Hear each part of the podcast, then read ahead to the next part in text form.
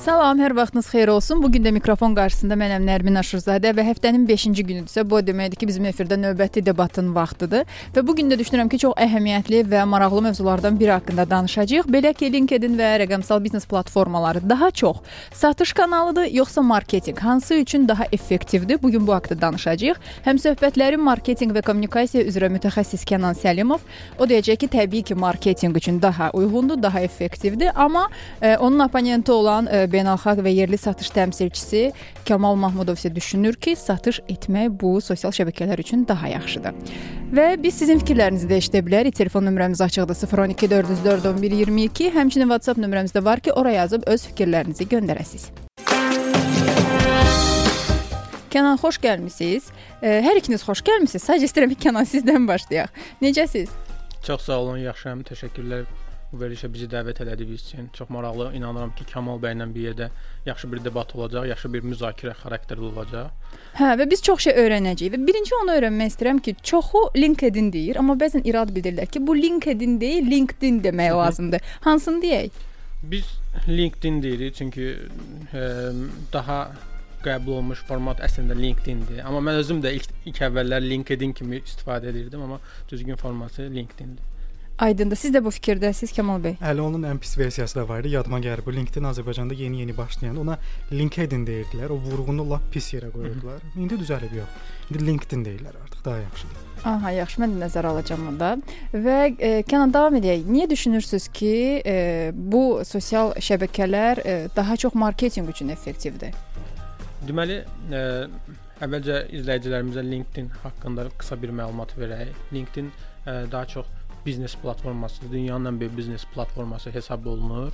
Hı -hı. və ə, ümumiyyətlə LinkedIn ə, insanlar üçün və ya da biznes sahibləri üçün yaxşı bir imkan yaradırdı ki, əvvəllər biz müşahidə edirdik ki, B2B bizneslər, yəni bizneslər arası ə, satışlar üçün daha əhəmiyyətli kanal hesab olunurdu, amma son dövrlər həm də B2C üçün əhəmiyyətli olmağa başladı və bu kanalda həm də ə, işə götürənlər, insan resursları və ə, onların ə, belə deyək komandalarının daha çox fəaliyyət göstərməsi istər-istəməz sosial şəbəkəni həm də tələbələr üçün cəlb etməyə başladı və bu sayədə nəinki biznes sahibləri, həm insan resursları, həm tələbələr, istənilən kateqoriyadan olan insanlar artıq bu sosial şəbəkəyə maraq göstərməyə başladı. Təbii ki, auditoriya olan yerdə də istənilən halda da bizim artıq ə, biznes maraqlarımız daha çox ə, irəli çəkilir. Nəzərə alsaq ki, artıq dünyada LinkedIn-in 1 milyarda yaxın istifadəçisi var Azərba və Azərbaycanda 600 min ə, civarında olduğu ə, qeyd olunur və istər-istəməz bu rəqəmlərin yüksək olması sizə yaxşı bir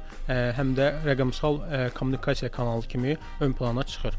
Və bu rəqəmsal kommunikasiya kanalı kimi ön plana çıxması sayəsində həm də LinkedIn-in belə bir özəlliyi var ki, 95% marketoloqlar LinkedIn-i sırf ə, orqanik dediyimiz ödənişsiz kommunikasiya kanalı kimi istifadə edirlər. Və təbii ki, bunu görən marketoloqlar istər-istəməz şirkətlərində öz büdcələrinə qənaət etmək üçün yaxşı, düzgün auditoriyanın qarşısına çıxmaq üçün marketinq kanalı kimi istifadə edirlər. Və eləcə də biz o digər sosial şəbəkələr, rəqəmsal ə, şəbəkələri daha çox marketinq kanalı kimi görürük. Çünki siz ə, heç bir belə deyək də, əgər marketinq büdcəniz yoxdursa, büdcəniz olmadığı halda belə auditoriyaya rahatlıqla yaxşı kontentlərlə çata bilərsiniz.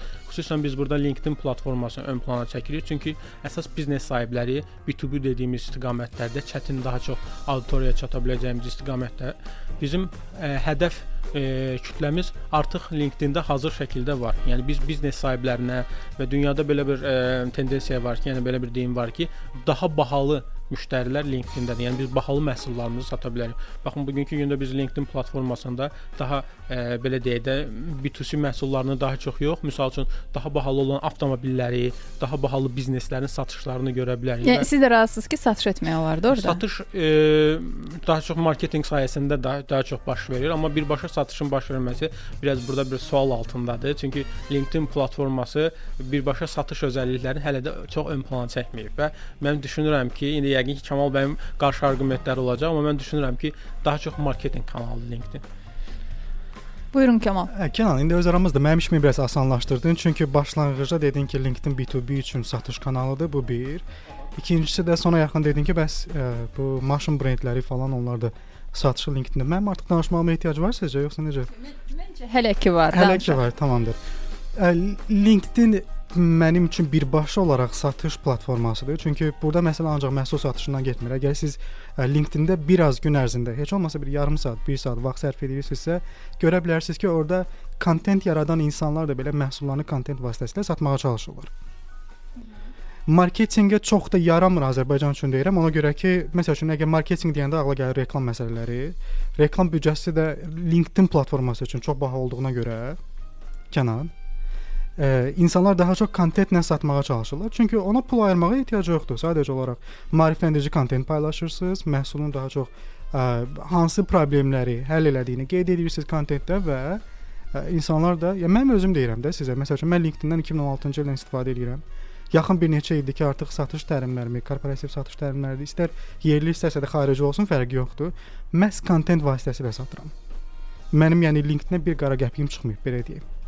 Bəs ə, Kamal bəy, siz özünüz də qeyd elədiniz ki, kontent vasitəsilə və biz bu kontenti artıq özümüz hesab eləyə bilərik ki, marketinqin bir parçasıdır. Çünki biz ümumiyyətlə ə, şirkətlər daxilində də görürük ki, kontent yazanlar, copywriterlər dediyimiz e, e, şəxslər marketinq departamentinin altında Hı -hı. toplaşırlar və siz özünüz də toxundunuz ki, satış eləmək üçün mən yaxşı kontent yazıram və bu kontentin yazılması istər-istəməz bacarıqlı marketinq mütəxəssisləri tələb eləyir və biz artıq marketinqimizi ön plana çəkirik ki, marketinqdən sonra e, gələcəkdə hansısa bir satışın baş tutmasını gətirib çıxardaq. Və ümumiyyətlə LinkedIn özünün marketinq əllərində də qeyd olunur ki, lead generation dediyimiz LinkedIn-də e, müştərini, potensial müştərini daha çox cəlb etmə taktikaları məhz marketinq e, sayəsində baş verir. Satış mərhələsi isə daha sonrakı mərhələdə baş verir. Hətta e, belə bir e, LinkedIn platforması düz Azərbaycanda o qədər məşhur deyil. Sales Navigator e, bir e, daha platforması da yaradıb. Əslində onu inteqrasiya edib e, LinkedIn özünə və bu platforma artıq özü LinkedIn-dən ayrıdır. Ona görə mən düşünürəm ki,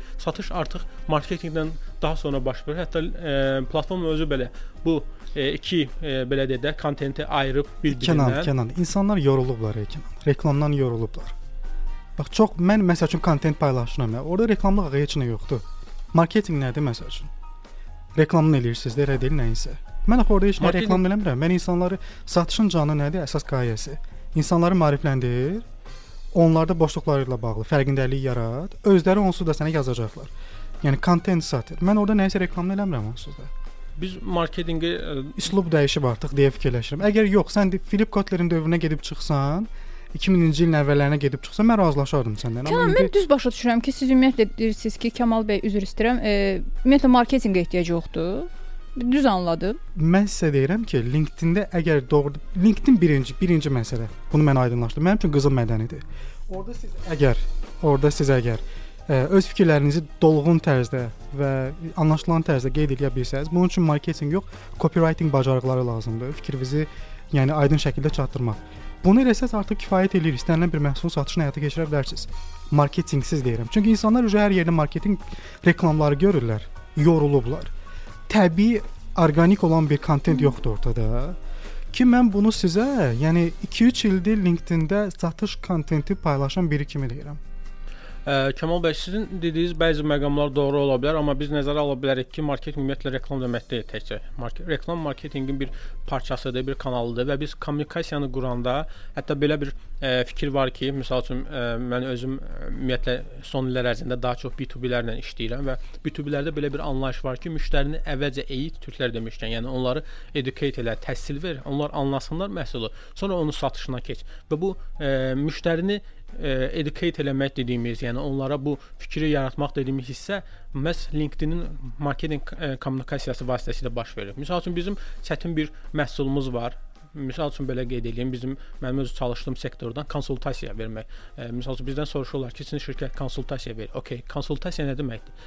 Biz o prosesi izah edirik. Sizə hansı vasitələrlə yardımçı olduğumuzu izah edirik. Çünki bizim məhsulumuz görünən deyil. Konsultasiya e, e, belə deyək də müştəriyə biz onu ancaq izahla, educate eləyərək başa sala bilir. Və bu mən düşünürəm ki, marketinq kommunikasiyası vasitəsilə baş verir və bu marketinq kommunikasiyasının baş verməsi üçün sizin özünüzün də qeyd elədiyiniz copywriting komandası çalışmalıdır, yaxşı kontentlər yaratmalıdır ki, bir potensial müştəriyə əvvəlcə məhsulu izah eləsin, daha sonrakı mərhələdə isə ə, brand awareness dediyimiz müştərilərə məhsul haqqında yaxşı bir məlumat yaratsın e, brend haqqında müştəri məlumatlı olsun və sonrakı mərhələdə, ən son mərhələdə artıq müştəri başa düşməyə başlasın ki, onun məhsulunun digər məhsullardan fərqi nədir və burada bizim ciddi bir marketinq taktikalarımız baş verməlidir və e, Philip Kotlerin artıq dövründən misal çəkdik. Biz artıq bu dövrü çoxdan keçmişik. Hətta rəqəmsal kommunikasiya dövrü ilə bizim artıq e, demək olar ki, hətta Philip Kotler özü də belə qeyd edir ki, öz çıxışlarında mənim artıq marketinq taktikalarım artıq müasir dövr üçün e, keçərli deyil. Yəni bəzilərini xırdalıqları, girişləri və s. ənənəvi marketinqdən qoydum bir kənara, amma müasir dövrdən bizim danışdığımız LinkedIn platforması Hı -hı. və digər rəqəmsal e, platformalar vasitəsilə o keçərli deyil və bu yaxşı bir arqument deyil mənə görə sənin e, gətirdiyin arqument, amma di digər məsələlərlə, məsəl üçün satışa keçməyə və s. satışa keçmək üçünsə bizim e, burada e, marketing funnel dediyimiz, yəni o proseslər hamısı baş verməlidir ki, biz sonda artıq müştərini cəlb eləyək və bayaq qeyd elədiyim o lead generation sonuncu hissəsində sizin artıq satış komandamızı bizim verdiyimiz hazır marketinq taktikalarının gətirdiyi nəticədə artıq öz satışını rahatlıqla eləsin və bu okay. e, LinkedIn vasitəsilə baş verməyə bilər. Yəni LinkedIn-dən kənarda da baş verə bilər. Açığı mən də Kənan kimi düşünürəm ki, satış etmək üçün marketinq qaçılmaz deyə. Mənim iki rəqibim var onda elə çıxır ki, onda mən sizə belə bir cavab verim. Baxın, indi 2023-cü ildir. Artıq yəni rəqəmsal texnologiya dövrüdür. İnsanlar üçün məlumat çox əlçatandır. Məsəl üçün Kənan mənə deyir konsultasiyadan. Siz elə fikirləşirsinizmi ki, Kənanın harda işlədiyini çox gözəl bilirəm, vəzifəsini çox gözəl bilirəm, çox yuxarı vəzifədə Azərbaycanda ən böyük şirkətlərin birində çalışır. Kənan sən nə fikirləşirsən? Sizin sizə konsultasiya üçün müraciət edən insan səncə artıq konsultasiya ilə bağlı məlumatlı deyilmi? Um, bizə konsultasiya üçün müraciət edə biləcək insan konsultasiya ilə bağlı. Yəqin ki, faydasını bilir ki, ona görə müraciət edir. Mən nə demək istəyirəm? Mənim arqumentim nəyin üzərindədir? Yəni insanlar artıq elementar məlumatları, müəyyən kateqoriyada olan məlumatları sosial media və ya da Google vasitəsilə əldə edə bilirlər artıq. Aydındır nə demək istəyirəm? Artıq insanları maarifləndirməliyik, daha sonra satmalıyıq məsələsi. Yəni bu günümüz üçün o qədər də aktual deyil, çünki internetdə artıq kifayət qədər material var. İnsanlar nəsə almamışdan öncə kifayət qədər araşdırma edirlər. Sizin özünüzə sual verirəm. Siz məsəl üçün gedib geyim alırsınız, eviniz üçün əşya alırsınız bir axtarmırsınız, soruşmursunuz kimdənsə məsələn. Kamal bəy sizin o brend yaxşıdır ya yox? Dediyinizlə müəyyən qədər razıyam, amma gəlin belə bir e, misal da çəkək. Steve Jobs deyirdi ki, misal üçün Hı -hı. biz insanların nə nəyə ehtiyacı ola biləcəklərini biz özümüz müəyyən etməyə çalışırıq. Yəni ehtiyacımızı biz özümüz ehtiyacları biz özümüz yaradırıq ki, -hı. sizin buna ehtiyacınız ola bilər. Və eləcə də elə məhsullar var ki, insanların həqiqətən gündəlik həyatda və yaxud da e, müəyyən bir işlərdə ehtiyacı var, amma o məhsul haqqında məlumatlı deyil.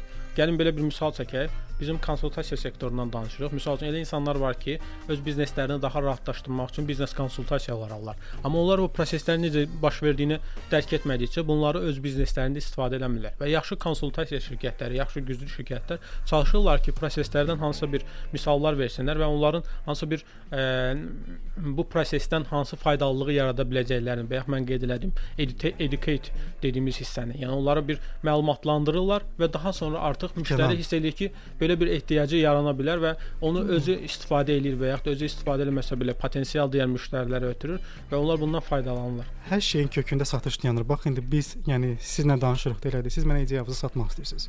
Mənim almıram bunu.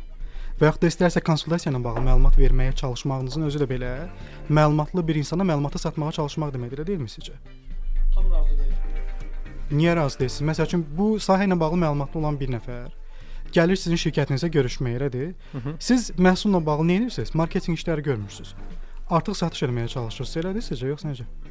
Əgər məlumatlı insan artıq bizim şirkətə gəlib çatıbsa, bu artıq marketinq kanalının hardasa bir uğurudur. Çünki biz kommunikasiyanı düzgün qurmuşuq. Burada və... məsələ LinkedIn-dən gedir də. Yəni o gedib məsəl üçün ola bilsin ki, Google-dan axtarıb o məlumatı tapıb. Yəni insanların məlumat axtarmaq üçün üz tutduğu yer LinkedIn deyil, sözümün canı odur. Google-a gedə bilər, bu adam Instagram-a gedə bilər, bu adam Facebook-da daha çox vaxtsa özünüzün də qeyd elədiyiniz kimi LinkedIn-də cəmi cümlətamiz 600 mindən bir azını az. Bəs yaxşı biz LinkedIn-ə niyə giririk onda məlumat almaq deyilsə məqsədimiz? Kənan, icazə ilə ya da sən buyur. LinkedIn-ə daxil olmaq məqsədimiz ümumiyyətlə birinci biz hansı kateqoriyadan as olmamızdan asılıdır. Məsəl üçün bizim dinləyicilərimiz arasında yəqin tələbələr də var, hansı bir biznes sahibləri də var. Məsəl üçün tələbələr son dövrlərdə müşahidə edirik ki, iş tapmaq üçün bunu platformadan yararlanırlar karyera imkanları yaranır və yaxud da networking. Məsəl üçün bugünkü gündə biz e, hansısa bir şirkət rəhbəri ilə hətta mən son dövrlər müşahidə eləmişəm ki, dövlətin dövlət adamları ilə və yüksək vəzifəli e, dövlət adamları da artıq LinkedIn-i aktiv şəkildə istifadə edirlər. Biz onlarla rahatlıqla kommunikasiya qura bilirik. Və Hı -hı. bu digər sosial şəbəkələrdə biraz çətin baş verir, çünki Məsəl üçün açığı özüm qeyd edirəm ki, şir, müəyyən bir e, kateqoriyalı şirkətdə rəhbər vəzifələrdən birini tutan şəxs kimi qeyd edirəm ki, digər platformalarda insanlar mənə yazanda mən onların e, sosial şəbəkə e, profilini tam rahat yoxlaya bilmirəm. Amma LinkedIn-də bütün məlumatlar açıq olduğuna görə artıq qarşındakı şəxsin fake olub olmadığını yoxlaya bilirsən və e, onların mesajlarını cavablandırırsan. Bu da nə deməkdir? Networking şansı yaradır və bizim hansısa bir xırda bir layihəmiz varsa belə biz hansısa bir şirkət rəhbərinə rahatlıqla ötürə bilirik. Və bu baxımdan çox yaxşı bir şansdır və biznes sahibləri də nəyə görə LinkedIn-i istifadə edirlər? Çünki onlar üçün networking bildiyiniz kimi artıq ə, dünyada belə bir tendensiya var ki, şirkətlər networkingləşməyə çoxlu büdcələr ayırırlar, pullar ayırırlar. Amma bugünkü gündə bu networking şansları LinkedIn-də pulsuz şəkildə, ödənişsiz şəkildə baş verir. Bu gün mənim 26 min ə, connectionum var, bağlantım var LinkedIn-də bağlantı adlanır və bu şəxslərlə mən rahatlıqla networking şansı yarada bilərəm. Hətta Kamal bəylə belə biz LinkedIn platforması vasitəsilə tanış olmuşduq və yer gəlmişkən qeyd edim ki, bizim Azərbaycanda LinkedIn platformasını tanıtmaq məqsədi ilə bu şəbəkələşməni genişləndirmə məqsədi ilə biz LinkedIn Community of Azərbaycan dediyimiz bir icma təsis elədik ki, LinkedIn-in aktiv istifadəçiləri bir araya bir araya gəlsinlər və LinkedIn-dəki kontent axışına biraz təsir etsinlər. Bugünkü gündə biz müşahidə edirik ki, Qafqazda, Cənubi Qafqaz dediyimiz regionda Azərbaycan faiz nisbətinə görə ən az LinkedIn istifadəçisi olan ölkədir Hı -hı. və belə bir dünyada statistika var ki, inkişaf eləmiş ölkələrdə LinkedIn platforması daha çox istifadə olunur.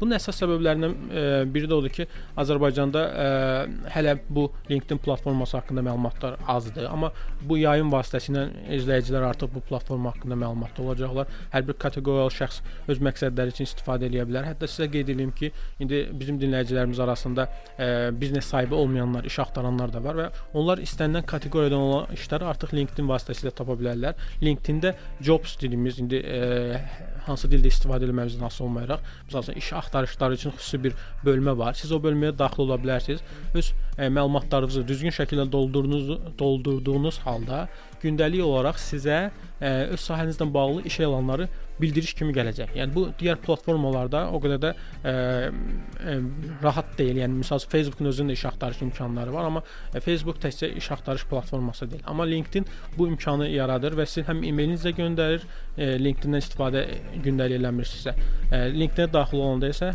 o məlumatları rahatlıqla əldə edirsiniz. Aydındır. E, Kənan təşəkkür edirəm ki, belə ətraflı məlumat verdiniz. Niyə məşhur deyil və e, bunu daha nə etmək olar ki, gənclər arasında məşhurlaşsın? Bu haqqda danışacağıq, amma e, Kəmal bəyə daha bir sualım var ki, e, bizdə satış deyəndə e, təkcə LinkedIn-dən getmir söhbət. Daha çox hətta Instagramda bəlkə daha çox nəsə satılır. Aha, e, siz bəs necə düşünürsünüz? Şəxsi müşahidələrinizə görə nəyi harda satmaq, hansı sosial şəbəkədə satmaq bəlkə də daha uyğundur? E, mən bu sualınıza sizin ətraflı cavab verəcəm. Sadəcə icazənizlə bir dənə Kənanın dediklərinə bir şey əlavə edəcəm. LinkedIn əslində yaxın zamanlarda strategiyasını tamamilə dəyişdi. LinkedIn platforması başlanğıcında yarananda hədəf ə, e, iş axtaran və işçi axtaran auditoriya idi və şirkətlər idi. Amma indi LinkedIn anladı ki, yəni sırf bu kateqoriyada olan insanları cəlb etməklə kifayət eləməyəcək. Hər bir platform auditoriyasını genişləndirmək istəyir, istifadəçi auditoriyasını. Ona görə də alqoritmanı elə qurublar ki, artıq yəni hətta iş axtarmayan və yaxud da işçi axtarmayan insanların özləri də belə sadəcə olaraq kontent, faydalı kontent paylaşmaqla bir həm öz icmalarını qura bilərlər, ikinci məsələ isə daha çox insana çata bilərlər. Yəni artıq LinkedIn sırf o Bu da biraz şəxsi brendinq üçündür də sanki. Şəxsi brendinq üçün ən ideal platformalardan biridir. Əgər sizin auditoriyanız ciddi insanlardırsa. Aydındır? E, və sualınıza cavab olaraq e, bizim satdığımız məhsuldan asılıdır əslində mən deyərdim. Yəni ki, ə, həm belə deyərdim, həm də yox. Çünki fikirləşirəm ki, LinkedIn-də istənilən bir məhsulla bağlı kontent paylaşdırmaq olar. Burada çox incə bir xətt var. Bu bizim paylaşım üslubumuzdur. Yəni bilirsiniz nə demək istəyirəm? Mən həmişə bunu təlimlərdə deyirəm. Məsəl üçün siz gedirsiniz rəfiqələrinizlə, dostlarınızla istirahət etməyə, Nabrana. Orda sizin geyim tərziniz, danışıq tərziniz tamam fərqlidir. Hı -hı. Siz gəlirsiniz sonra ictimai rəhbərliklə görüşməyə. Burada sizin geyiminiz və danışıq tərziniz fərqlidir, elədirmi? Bu o demək deyil ki, siz fərqli insanlarsınız. Siz sadəcə olaraq məkanına görə geyiminizi və ünsiyyətinizi dəyişirsiniz, üslubunuzu. Amma eyni insansınız. Eyni informasiyanı bəlkə də çatdırırsınız, amma fərqli tərzdə çatdırırsınız. LinkedIn də elədir əslində. Yəni orada mən, daha ciddi olmalıyıq. Orada sadəcə olaraq istifadə etdiyimiz sözlər seçici olmalıdır. Yəni aydındır mən nə demək istəyirəm. Məsəl üçün siz deyə bilərsiniz ki, e, satış demirəm də, tutaq ki, indi əvvəllər Azərbaycanda bu biraz şeydir, Kənan da razılaşar yəqin ki, modda idi. HR-larla bağlı çoxlu şikayətlər gəlirdi də ki, ay HR-lar qeyri-peşəkardır. Facebookda siz belə yaza bilərsiniz ki, bezmişik bu HR'ların əlinə. CV-yə baxmırlar falan. Amma eyni kontenti LinkedIn-də paylaşası olsanız, artıq bunu deməlisiniz ki, yəqin siz də mənlə razılaşarsınız ki, Azərbaycandakı HR cəmiyyətinin əksəriyyəti qeyri-peşəkardır. Eyni mesajı ötürürük. Aydın nə demək istəyirəm? Sadəcə olaraq fikrimizi fərqli tərzdə çatdırırıq. Satış da belə Daha mədəni formada. Daha mədəni formada, çünki oranın auditoriyası bəs fərqli insanlardır. Açıqını desəm, Əslində eyni adamlarıq. Sadəcə burada niyə elə oluruq, orada biraz başqa cür oluruq. siz yaxşı, e, siz Nabranda geyindiyiniz kimi bura geyinə bilərsiniz. Hə, yox, o aydındır. Məsələn, E, yəni- Kamal bəy, bir də bir, bir sizlə maraqlıdır. E, Satış et, satışın axı həcmi var. Məhsul nə qədər böyüdür, məhsul nə qədər bahalıdır. E, bu sosial şəbəkələrdə böyük satışlardan söhbət gedə bilərmi? Məsələn, hər hansı iki böyük tikinti şirkəti nəsə öz arasında anlaşır və ya nə bilim böyük alqı-satqıdan söhbət gedirsə, onlar üçün də uyğundur. Sosial şəbəkələr əslində bizim axtardığımız o satışda dediyimiz qərar verici insanları tapmaqda bizə kömək edə bilər. Məsəl üçün məsələ əgər böyük satışlardan gedirsə, mən A şirkətinə çıxmaq istəyirəmsə və mənim e, həmin o şirkətdə qərar verici şəxs HR-dırsa və yaxud da satın alma mütəxəssisdirsə, mən həmin o şirkətin o əlaqə saxlamalı olduğum insanı LinkedIn-də tapıram. Və onu çox vaxt o insanların profilində kontakt info deyilən bir hissəsi olur. Ya bəziləri telefonlarını yerləşdirirlər, bəziləri e-mail adreslərini. Mən o məlumatları tapıb sadəcə olaraq görüş təyin etməyə çalışıram. Orada birbaşa satışdan söhbət gedə bilməz. Yəni ora mənim üçün bir platformadır və kanaldır ki, mən o qərar verici şəxsə çıxa bilim. Satış ofisdə masa arxasında həll olur. -hı, aydın. Nə səlahiyyətiniz var e, bununla bağlı Kənan? Kamal bəy əslində bütün detallara toxundu.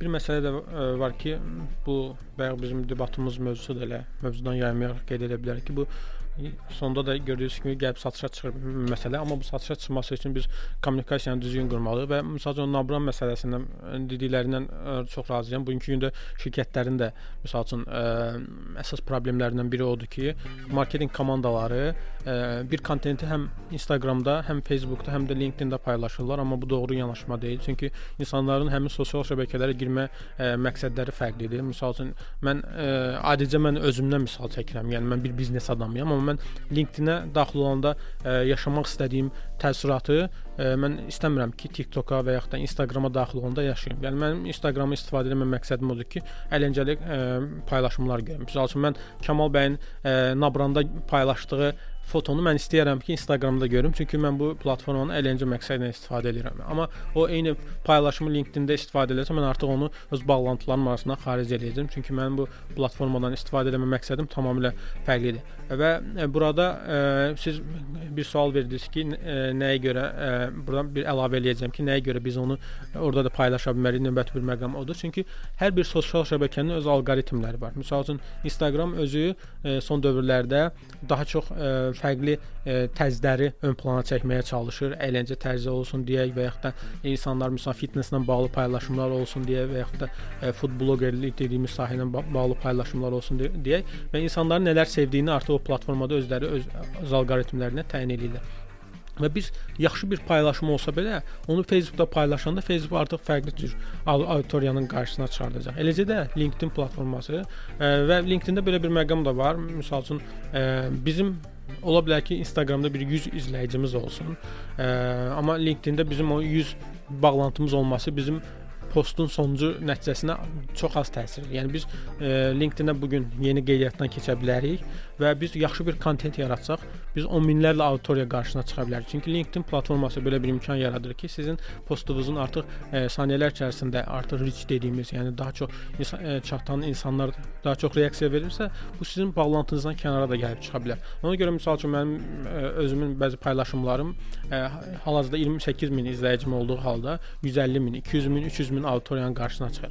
Və daha çox auditoriyanın qarşısına çıxmaq üçün artıq növbəti mərhələdə bayaq qeyd elədik ki, Azərbaycanda limitli sayda LinkedIn istifadəçisi var, 600 minə yaxın. Artıq paylaşımlarımızı Azərbaycan dilində yox, ingilis dilində eləyəndə artıq daha çox auditoriya qarşısına çıxa bilərik. Təəssüflər olsun ki, LinkedIn platforması ümumiyyətlə cəmi 26 dildə dəstəklənir. Yəni biz profil məlumatları, hesab məlumatlarını ə, Azərbaycan dilində doldura bilmirik. Amma paylaşımlarımızı hal-hazırki ə, dövrdə Azərbaycanca eləyə bilirik. Amma belə bir statistika var ki, LinkedIn istifadəçilərinin daha çoxu ingilis dilli auditoriyadır və biz ə, paylaşımlarımızı artıq seçim eləyib ə, müştərilərimizə görə Kənan statistikaya keçmə. Bax, marketinq və satışdan danışırıq da sənə elədir.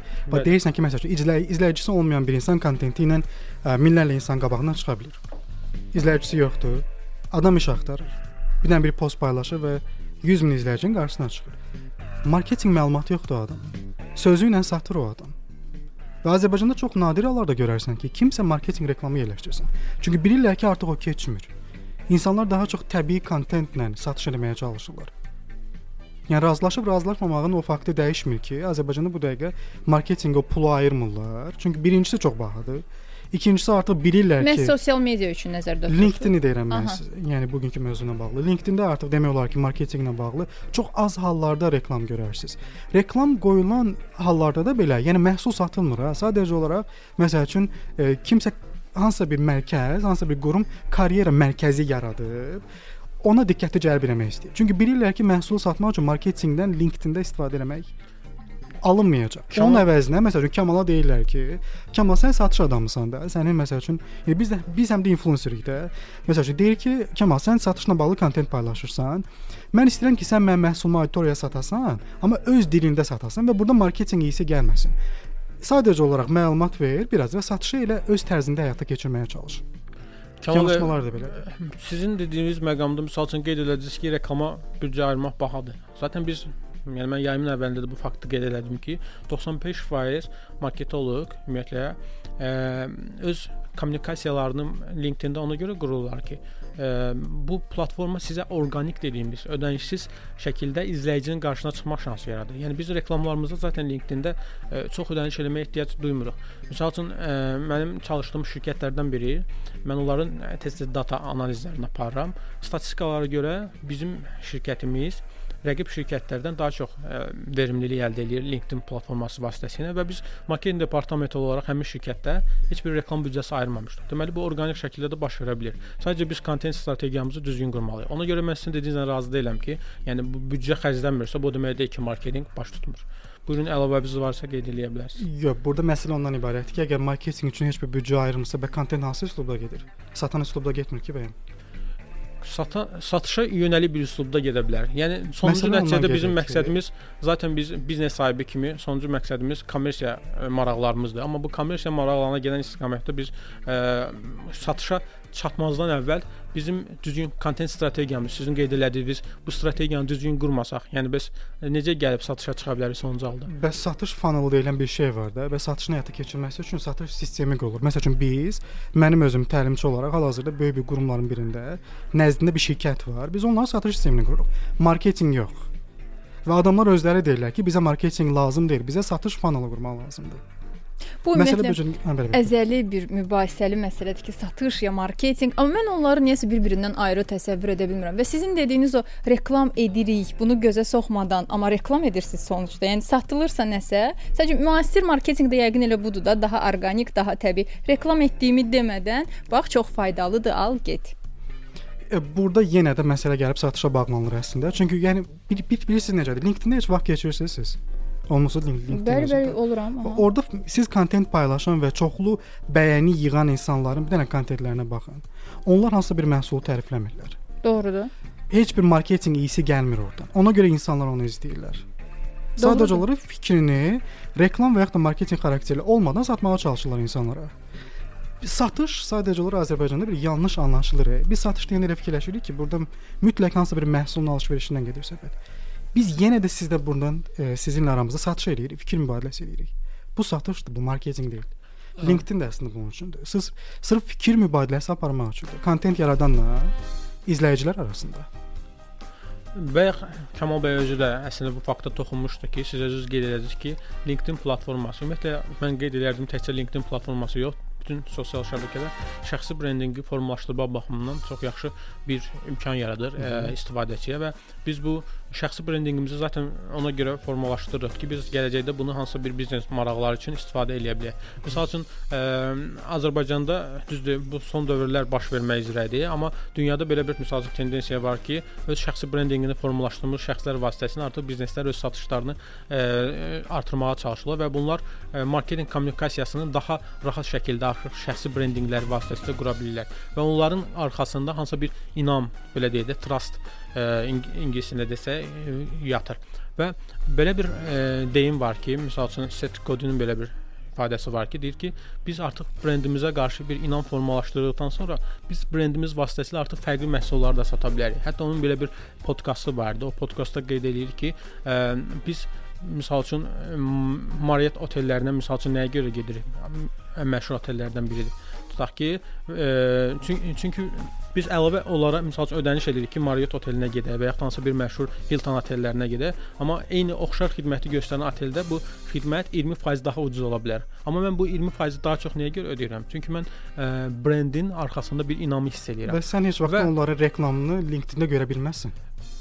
Ə, mən onların reklamını LinkedIn-də görə, görə bilmərəm çünki ə, çünki ora marketinq kanalı deyil. Yoldaşlar, mən əslində fikrimi sizə eləmək istəyirəm. Kənan əslində burada açar kəlmələrdən istifadə elədi. Başlanğıcda öz dedi ki, B2B satış kanalıdır. Google-da search etsəz də görəcəksiniz. İkinci məsələ organic reach deməkdir.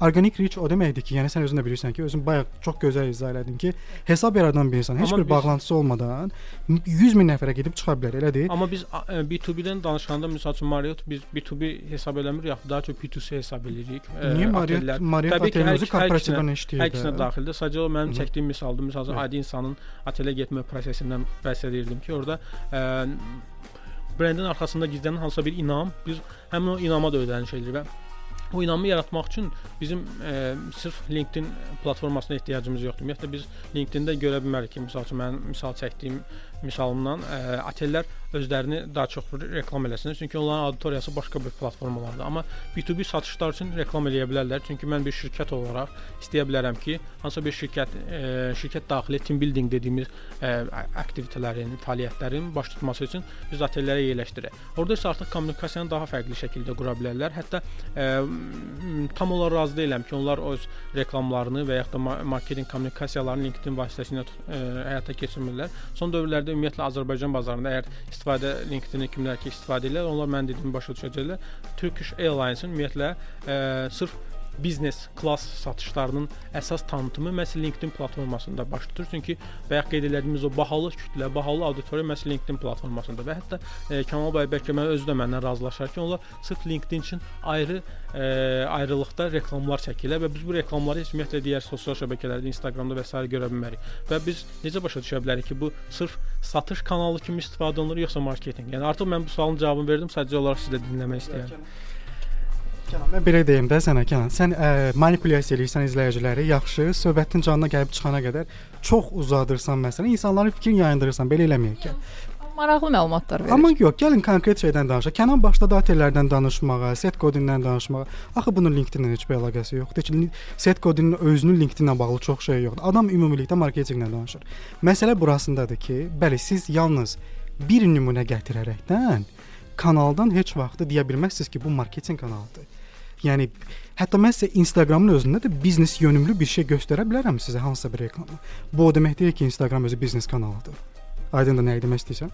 Mən nə demək istəyirəm? Hə, Kənan. Yəni ki, orada o reklamlar ola bilər, amma ağırlıq daha çox nəyin üzərindədir? Məsələ bundan gedir.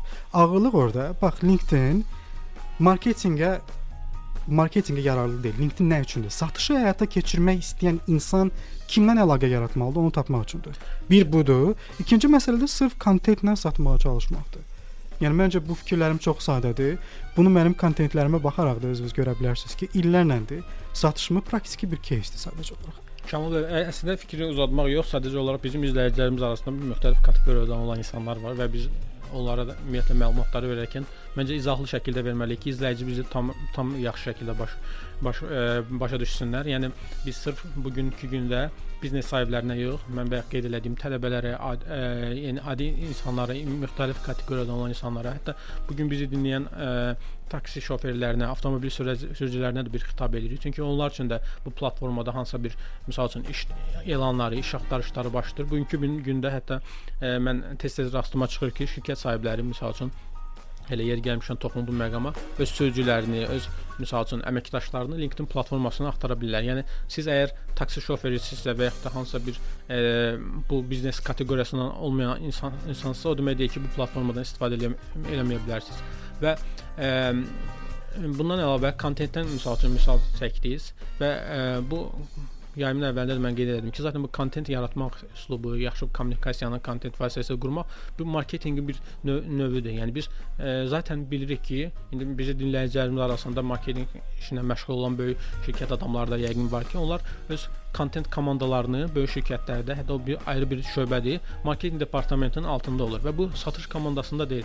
Satış komandası isə biz e, görürük ki, məsəl üçün mən özüm B2C şirkətlərində də işləmişəm. Onlar ümumiyyətlə gedirlər müştərilərlə görüşürlər, hansısa bir e, onlarla nə bilim nahar eləyirlər, nə bilim əlavə bir networking qururlar və bu e, LinkedIn-ə mən deyərdim ki, e, uzaqdır. Yəni LinkedIn-də birbaşa bu baş vermir və bizim e, bu prosesi baş tutması üçün bizim marketinq komandamız aktiv şəkildə, fəal şəkildə işləməlidir ki, satış komandasına desin ki, buyurun Kamal bəy, biz artıq marketinq hissəsinin yaxşı şəkildə ə, o funnelın sonuncu mərhələsinə çatdırdıq və artıq siz həmin müştəri ilə gedib görüşə bilərsiniz, öz satışınızı həyata keçirə bilərsiniz. Və bu prosesdə inandırım ki, sizin satış komandasına heç bir ehtiyacı yoxdur. Yəni biz marketinq olaraq öz işimizi peşəkar səviyyədə Hətta o qədər.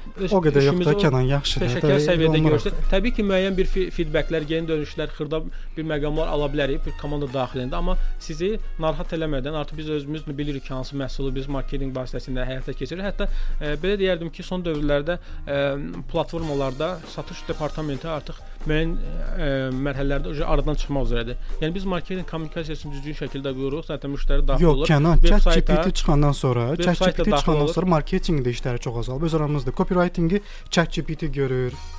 Kontent strategiyasını ChatGPT görür. Yəni, Satışı ChatGPT eləyə bilməz, yəni, qardaş. Məhsulun qarşısında bax, sən müştərisən mən alacağam. ChatGPT-ni gətir, qoy görüm ortağa, o necə satacaq.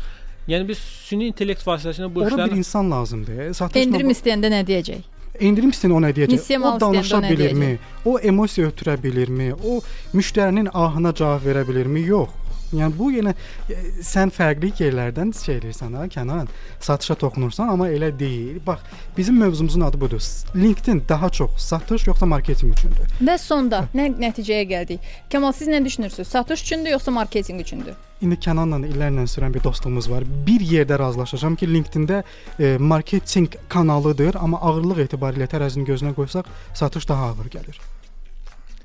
İcazə versəz mən bir dənə sonuncu fikrə əlavə eləyim. Yəni biz hansısa bir vasitə üçün süni intellektdən istifadə eləməyimiz o demək deyil ki, artıq o proses baş vermir. O proses ə, yenə də baş verir, marketinq hissəsi yenə baş verir. Sadəcə insan vasitəsilə yox, hansısa bir proqram vasitəsilə sizin qeyd etdiyiniz ChatGPT ola bilər və yaxud da digər platformalar vasitəsilə ola bilər. O deməkdir ki, yenə də bu proses öz öz özlüyünə qalır. Sadəcə bu prosesi insan həyata keçirmir. Və ə, Nərmin xanımın sualına cavab olaraq qeyd etmək istəyərdim ki, ə, yəni əvvəldən bəri bizim debatımız mövzusunda qeyd etdiyim faktlardan da əsaslanaraq qeyd edə bilərəm ki, marketinq daha böyük ağırlıq təşkil edir və ə, mən düşünürəm ki, müddət keçdikcə bəlkə də satışın hansı bir ağırlığı ola bilər, amma hal-hazırda ümumiyyətlə ə, sosial şəbəkələrdə, rəqəmsal platformalarda və xüsusən də LinkedIn-də əsas marketinq ön plana çəkilir və biz əgər satışımızı yenə də həyata keçirmək istəyiriksə, bunu LinkedIn vasitəsilə yox, LinkedIn-ə inteqrasiya olunmuş hansısa əlavə bir kanallar vasitəsilə eləyə bilərik.